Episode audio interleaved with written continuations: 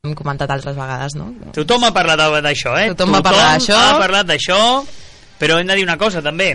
Eh, Pedrerol, col·lega, que si utilitzes eh, un tall de veu del Prat Ràdio, com el que has posat al teu programa, cita'ns almenys, no? I digues que ho has tret del Prat Ràdio, de la gravació que, que tens. No tiris un tall de veu així i et quedis tan ample. Que la feina dels petits també a vegades eh, és de ser, ha de ser reconeguda. Que ja sé que mucho becario y mucho retratado, però aquesta vegada ha sigut tu.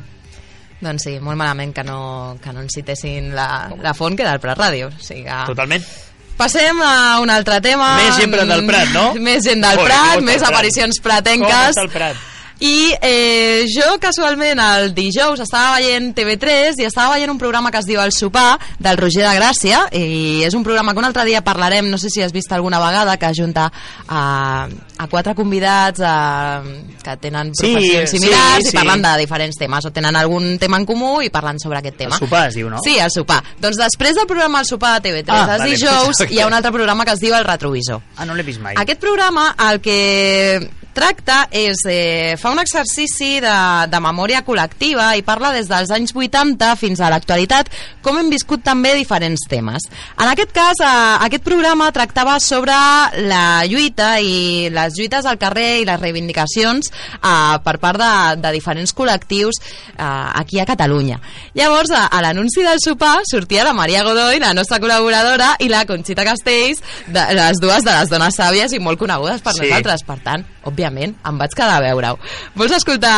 Escoltem un trosset del principi de, de com elles recorden aquell, aquells anys.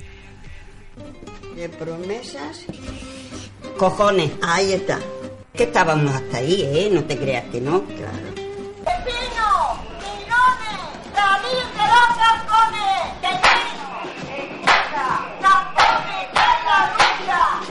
Queremos pan, queremos vino y a Fraga y Barne colgado un pino. Eso también lo, lo coreábamos mucho. No había unos que decían, bueno, yo no tengo nada que ver, es que estábamos todos afectados, los mismos problemas los teníamos todos. Y eso fue muy bien porque nos unió muchísimo. ¿eh? Ahir a la tarda, uns 400 veïns del barri de Sant Cosme van tallar la carretera de l'aeroport durant mitja hora per protestar contra l'última fase de remodelació i rehabilitació dels habitatges de la zona Ay, mira, Mira, pobretico. ay. Los viajeros que se quedaron en tierra. Claro, y ya era la tierra. acuérdate que nos aplaudían, pobretico. Sí, Eh, ah, algunos eso sí, oye, éramos- verdad, eso, eso hay que Sí, tenerlo sí, en sí. cuenta, era Hombre, una cosa tanto. muy... que nos hacían palmas cuando se enteraban por lo que estábamos luchando, ¿eh? Sí, sí. Sí. Mira, esta, el PRAS contra la droga. Contra la droga, sí. Mesa cívica antidroga. ¡No queremos droga! ¡Un barrio tranquilo!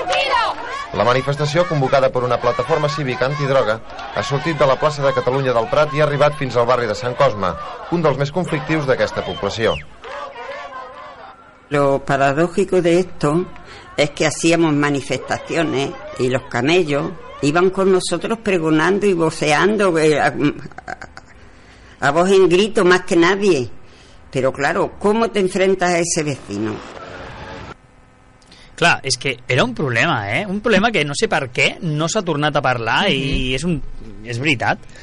Era un problema. O sigui, que tu sabies que el que teu veí estava venent droga i que s'estava manifestant amb tu dient, Sí, esto què és? Què cinismo és este, eh? Doncs uh, tenim una segona Ostres. part també. Eh, és molt interessant aquest programa perquè surten imatges de- d'aquells moments de reivindicacions i segurament uh, molta gent que, que ho va viure abans dels hem posat i companys uh, us faran recordar molt aquells, aquells temps. Escoltem uh, la segona part. Y entonces yo mm, experimenté que de verdad, de verdad yo era persona y era mujer cuando yo me di cuenta que podía hacer muchas cosas. Podía tener mi casa limpia, podía atender a mis hijos, llevarlos a, la escuela y donde hiciera falta. Y yo podía mm, estar por, hacer cosas por los demás y por el conjunto del barrio.